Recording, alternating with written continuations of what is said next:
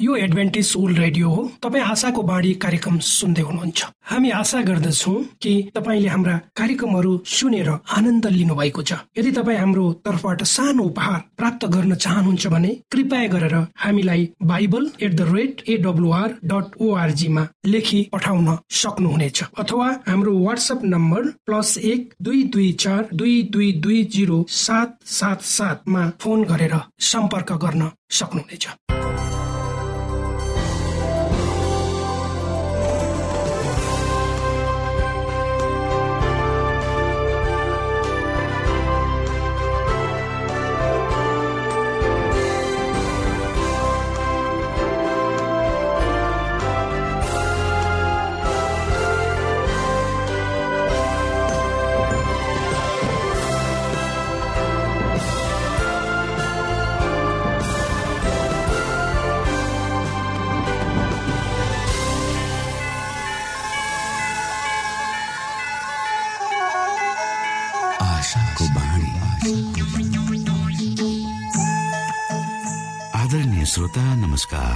यो समय तपाईँ एडभेन्टिस्ट ओल्ड रेडियोको प्रस्तुति भोइस अफ होप आशाको बाणी कार्यक्रम सुन्दै हुनुहुन्छ।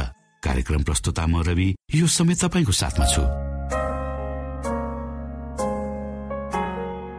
मानव जातिमा देखाइएको परमेश्वरको प्रेम र अनुग्रह तपाईँसँग बाँड्ने उद्देश्यले तपाईँकै आफ्नै प्रिय कार्यक्रम आशाको बाणीमा यहाँलाई हामी न्यानो स्वागत गर्दछौ। आशाको बाणीको आजको प्रस्तुतिबाट पनि तपाईँले परमेश्वरसँग नजिक रहेको अनुभूति गर्नुहुनेछ भनेर हामी आशा राख्दछौ। आउनु श्रोता यो मधुर भजनसँगै हामी हाम्रो मुख्य कार्यक्रमतर्फ लागौं।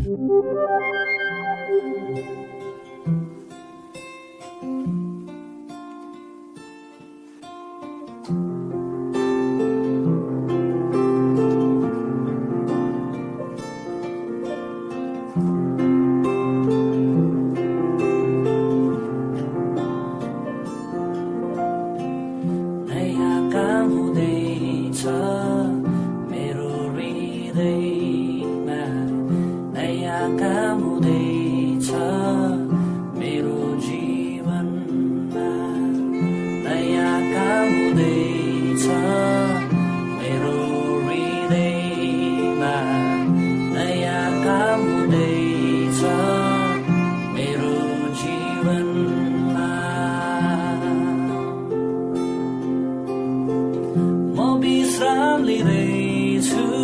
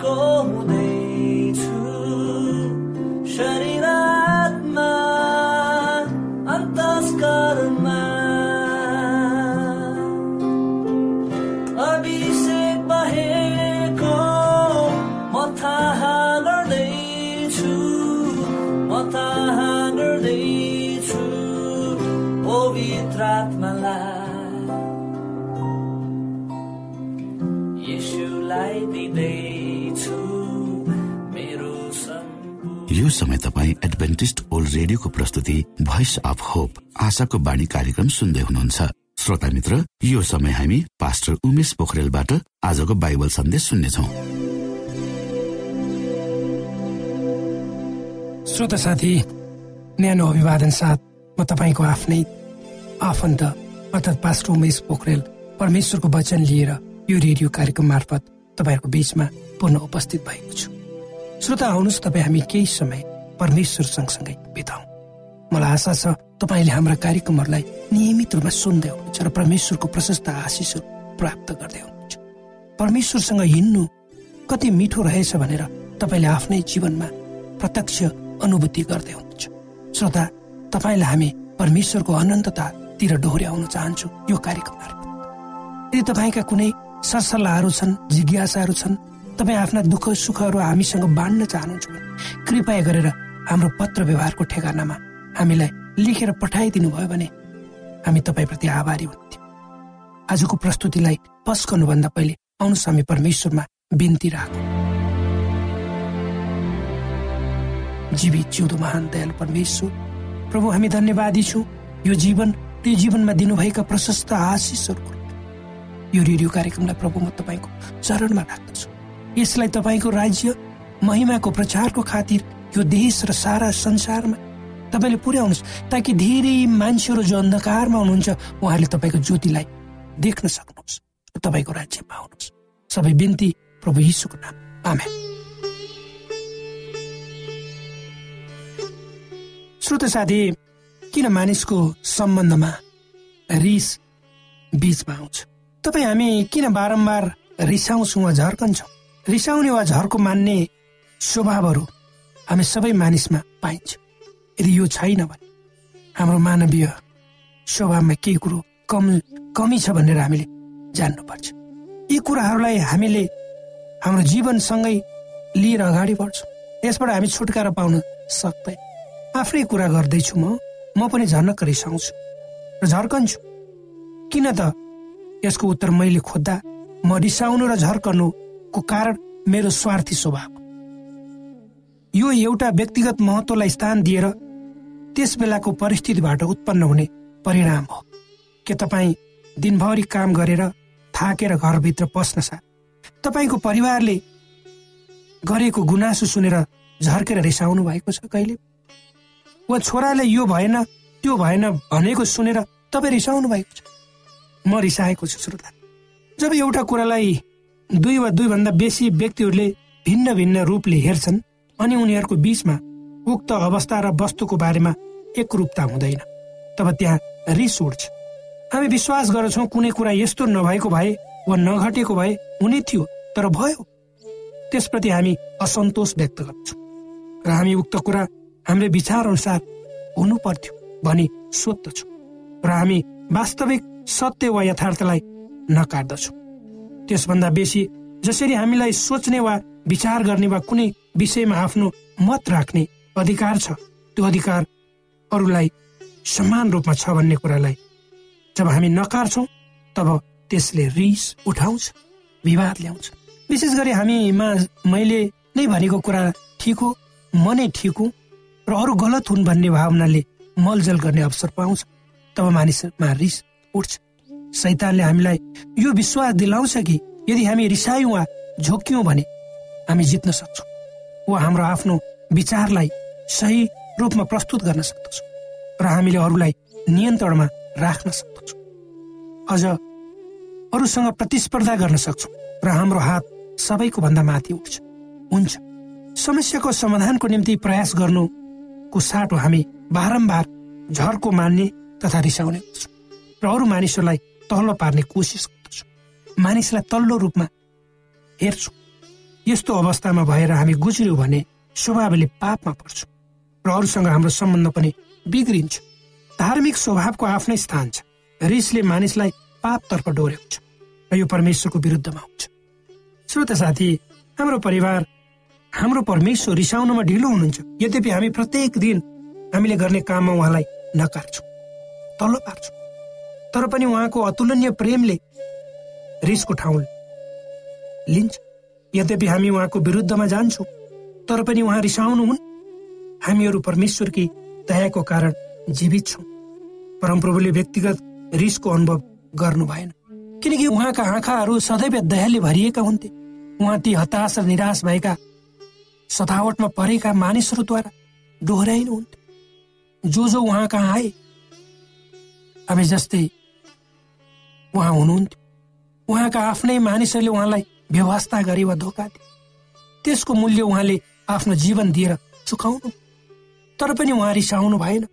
तर उहाँले भन्नुभयो पिता तिनीहरूलाई क्षमा दिनुहोस्। उहाँले आफूलाई सताउनेको निम्ति प्रार्थना गर्नुभयो। किनकि उनीहरूलाई थाहा छैन तिनीहरू के गर्दैछन् भनी। कस्तो महान उदाहरण। एक धैर्यताको एक प्रेमको एक सहनशीलताको।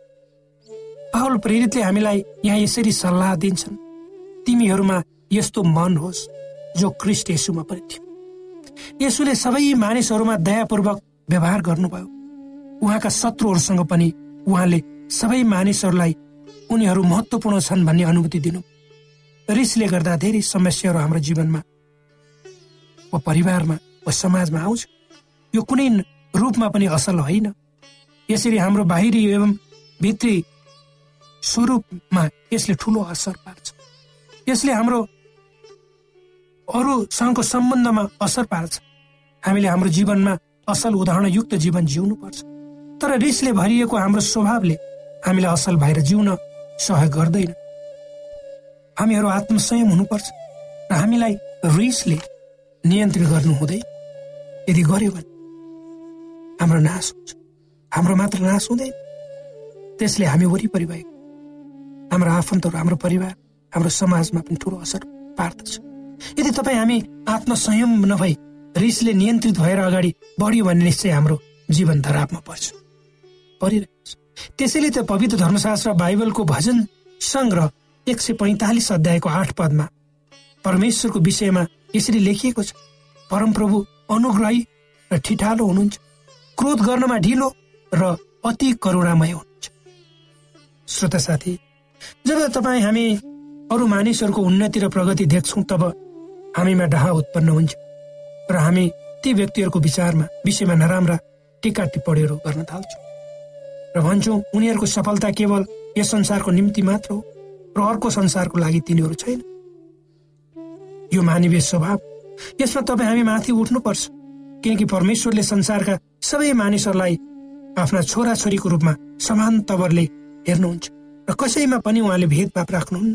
उहाँ चाहनुहुन्छ सबै मानिसले उहाँको बाटो रोजुन् उहाँको मुक्तिको अनुभव गर्न सकुन् र उनीहरूको निम्ति उहाँले तयार गर्नुभएको पुरस्कार प्राप्त गरून्।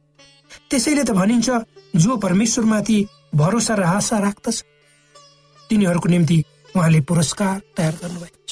त्यसैले पवित्र धर्मशास्त्र बाइबलको हितोपदेशक तेइस अध्यायको सत्र अठार पदमा यसरी लेखिएको छ तेरो हृदयलाई पापीहरूको डाहा गर्न नदे तर परमप्रभुको भएको निम्ति उत्सुक भइर निश्चय नै भविष्यमा तेरो निम्ति आशा छ र तेरो आशा व्यर्थ जाने छैन। हो श्रोता साथी जसले परमेश्वरमा भरोसा राख्छ त्यसको निम्ति आशा छ र उसको आशा व्यर्थमा जाँदैन। यो आशा अहिलेको निम्ति नै हो। त्यसैले प्रभु येसुले भन्नुभयो म त तिनीहरूले जीवन पाउन् र त्यो प्रशस्त मात्र पाउन् भन्ने हेतुले आए। परमेश्वरको वचनले हाम्रो शारीरिक एवं आत्मिकी प्रशस्तताको कुरा गर्दछ। र हामी शुद्ध स्वस्थ र एवं मानसिक रूपमा राम्ररी जिउँ भन्ने परमेश्वरको इच्छा। जब तपाईँ हामी स्वस्थ छौँ तब मात्र हामी राम्ररी परमेश्वरको सेवा गर्न सक्दछौँ। हाम्रो शरीर आत्माको मन्दिर हो र आत्मालाई उचित पूर्वक काम गर्न यो शरीरलाई तन्दुरुस्त र ठिक राख्नु पर्दछ। जब हामीले स्वस्थ स्वास्थ्य सम्बन्धी नियमहरूलाई ख्याल गर्दैनौँ आफ्नो स्वास्थ्यको उचित हेरचाह गर्दैनौँ तब हाम्रो शरीरले पनि राम्ररी काम गर्न सक्दैन। परमेश्वरको निर्देशनलाई मान्नु भनेको असल र राम्रो जीवन यो संसारमा रहँदा जिउनु हो जसबाट तपाईँ र मैले आशिष र आनन्द प्राप्त गर्न सक्छौँ भने अरूहरूको लागि हाम्रो जीवनमा आशिषहरू अरूहरूले हाम्रो जीवनबाट आशिषहरू प्राप्त गर्नेछन् र जिउने ऊर्जाहरू प्राप्त गर्नेछ तपाईँ र मेरो स्वस्थ जीवन शैलीले परमेश्वरको महिमा गर्नेछ र धेरै मानिसहरूले परमेश्वरलाई चिन्ने मौका पाउन्। त्यसै गरी यो आशा भविष्यको निम्ति पनि हो। किनकि परमेश्वरले हामीलाई हाम्रो भविष्यको बारेमा प्रतिज्ञा गर्नुभएको छ र हाम्रो भविष्यलाई उहाँको पुत्रलाई उपहारको रूपमा हामीलाई दिनुभएको छ। र उहाँको पुत्रको मृत्यु र पुनरुत्थानले हाम्रो भनी भविष्य सुनिश्चित भएको छ। एउटा बाटो तयार गरिएको छ जसद्वारा हामीहरू परमेश्वरको प्रशस्त आशिषहरू मार्फत जिउन जिउनेछौँ वा जिउन सक्नेछौँ। आफू स्वर्गमा जानुभन्दा पहिले प्रभु येसुले आफ्ना चेलाहरूलाई भरोसा दिलाउँदै यसो भन्नु। त्यसो नभए के म तिमीहरूलाई भन्ने थिएँ कि तिमीहरूका निम्ति ठाउँ तयार गर्न म गइरहेको छु? अनि गएर मैले तिमीहरूका निम्ति ठाउँ तयार पारेपछि म फेरि आउनेछु र तिमीहरूलाई म काममा लैजानेछु र जहाँ म छु त्यहाँ तिमीहरू पनि हुनेछ। यो प्रतिज्ञा तपाईँ र मलाई जो उहाँका चेला छौ सबैको लागि दिएको। यो आशा तिनीहरूको लागि जसले आफ्ना पापहरू धोएका छन्। ती मानिसहरू जसले संसारसँग आफ्नो नाता तोडेका छन् त्यसकारण परमेश्वरसँग डराउँ उहाँले दिनुभएको आशामा भरोसा राखौँ र आफ्नो जीवनलाई अगाडि बढाउँ आशाको श्रोता भर्खरै यहाँले पास्टर उमेश पोखरेलबाट बाइबल वचन सुन्नुभयो। यो समय तपाईँ एडभेन्टिस्ट ओल्ड रेडियोको प्रस्तुति भोइस अफ होप आशाको बाणी कार्यक्रम सुन्दै हुनुहुन्छ। कार्यक्रम सुनेर बस्नुहुने सबै श्रोतालाई हामी हाम्रो कार्यक्रममा स्वागत गर्न चाहन्छौ। श्रोता मित्र यदि तपाईँ जीवनदेखि हरेस खानु भएको छ तपाईँका जीवनमा धेरै अनुत्तरित प्रश्नहरू छन् भने आउनुहोस् हामी तपाईँलाई परमेश्वरको ज्योतिमा डोहोऱ्याउन चाहन्छौ। तपाईँ आफ्नो जीवनका चिन्ता फिक्रीबाट निश्चिन्त हुनुहोस् र बाँच्नुको आनन्द परमेश्वरको सामिप्यमा कति मिठो हुन्छ त्यो चाख्नुहोस् भनी हामी चाहन्छौँ। श्रोता यदि तपाईँ आशाको बाणी कार्यक्रमलाई अनलाइन सुन्न चाहनुहुन्छ वा डाउनलोड गर्न चाहनुहुन्छ भने ओआरजीमा जानुहोस्। त्यहाँ तपाईँले प्रत्येक दिनको कार्यक्रम सुन्न र डाउनलोड गर्न सक्नुहुनेछ। हाम्रो वेब पेज यस प्रकार छ। www.awr.org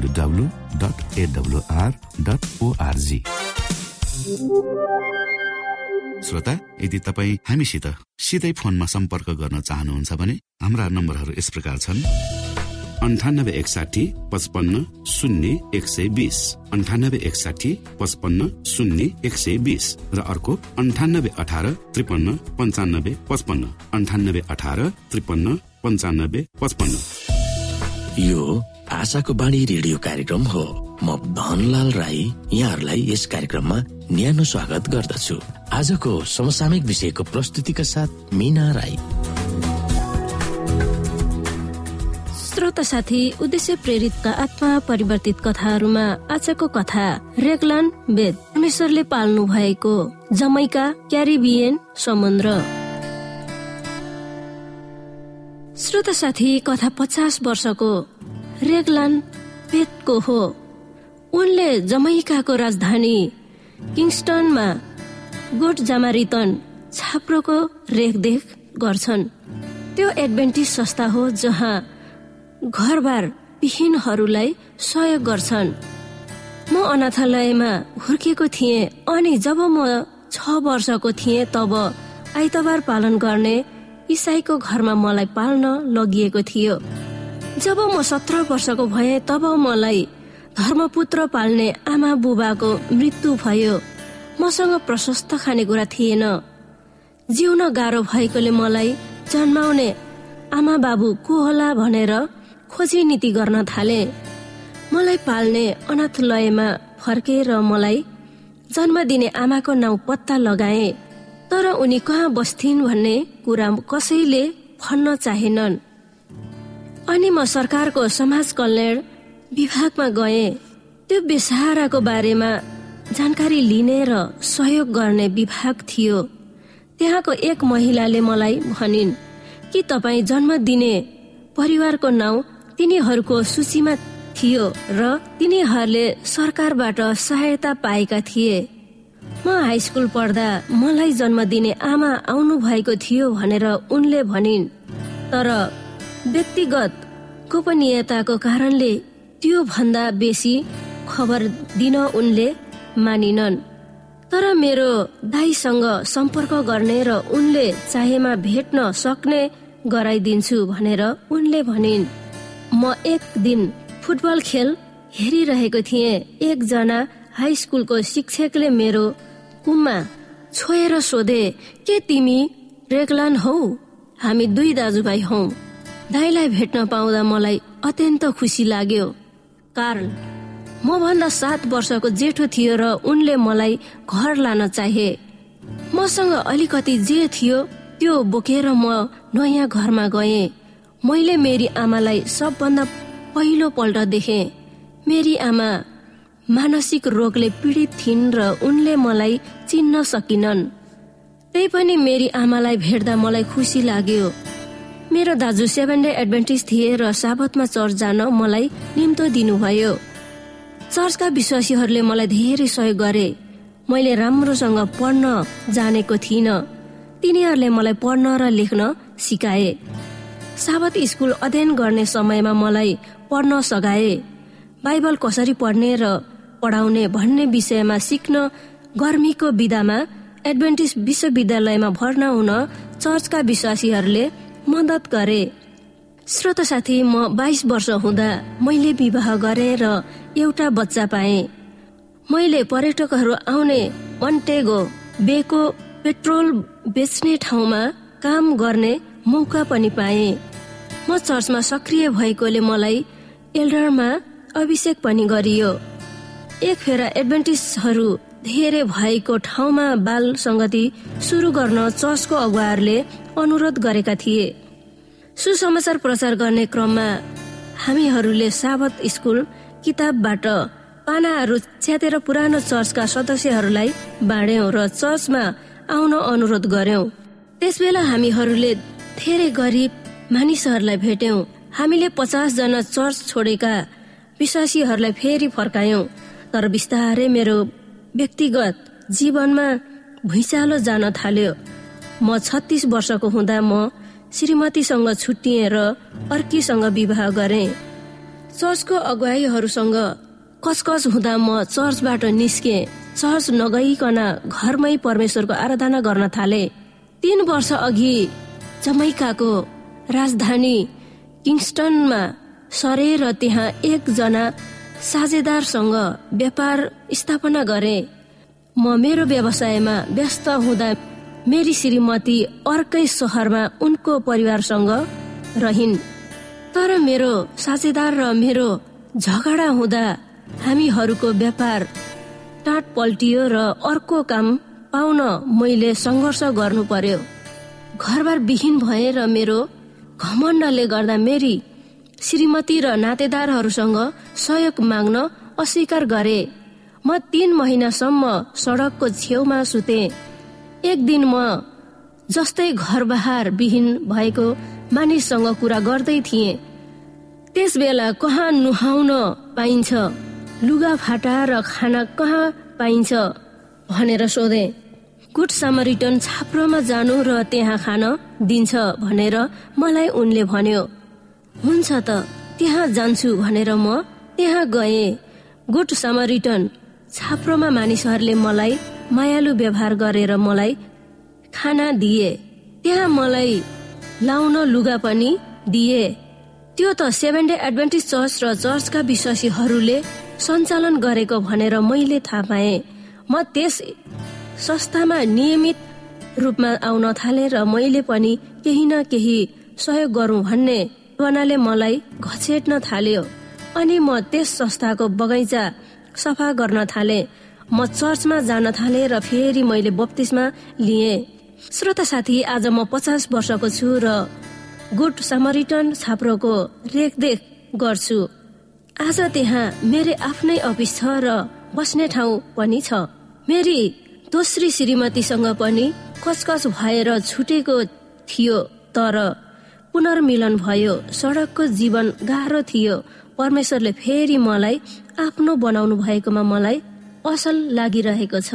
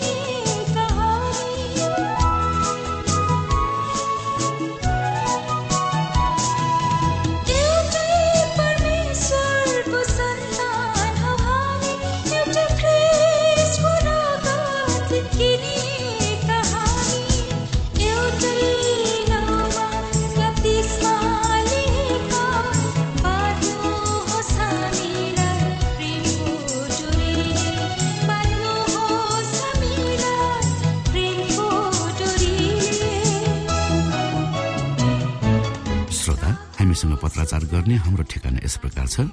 आशाको बाणी पोस्ट बक्स नम्बर दुई शून्य शून्य शून्य दुई काठमाडौँ नेपाल। श्रोता यदि तपाईँ हाम्रो स्टुडियोको नम्बरमा सम्पर्क गर्न चाहनुहुन्छ भने हाम्रा नम्बरहरू यस प्रकार छन्। अन्ठानब्बे एकसाठी पचपन्न शून्य एक सय बिस।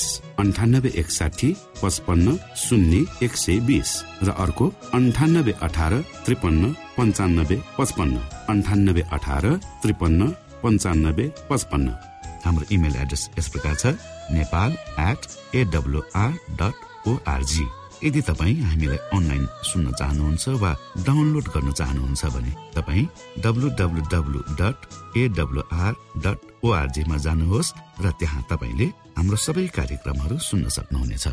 हवस् त श्रोता भोलि फेरि यही स्टेशन र यही समयमा यहाँसँग भेट्ने आशा राख्दै प्राविधिक साथी राजेश आडा पास्टर उमेश पोखरेल र कार्यक्रम प्रस्तुता म रवि। यहाँसँग विदा माग्दछौ। नमस्कार।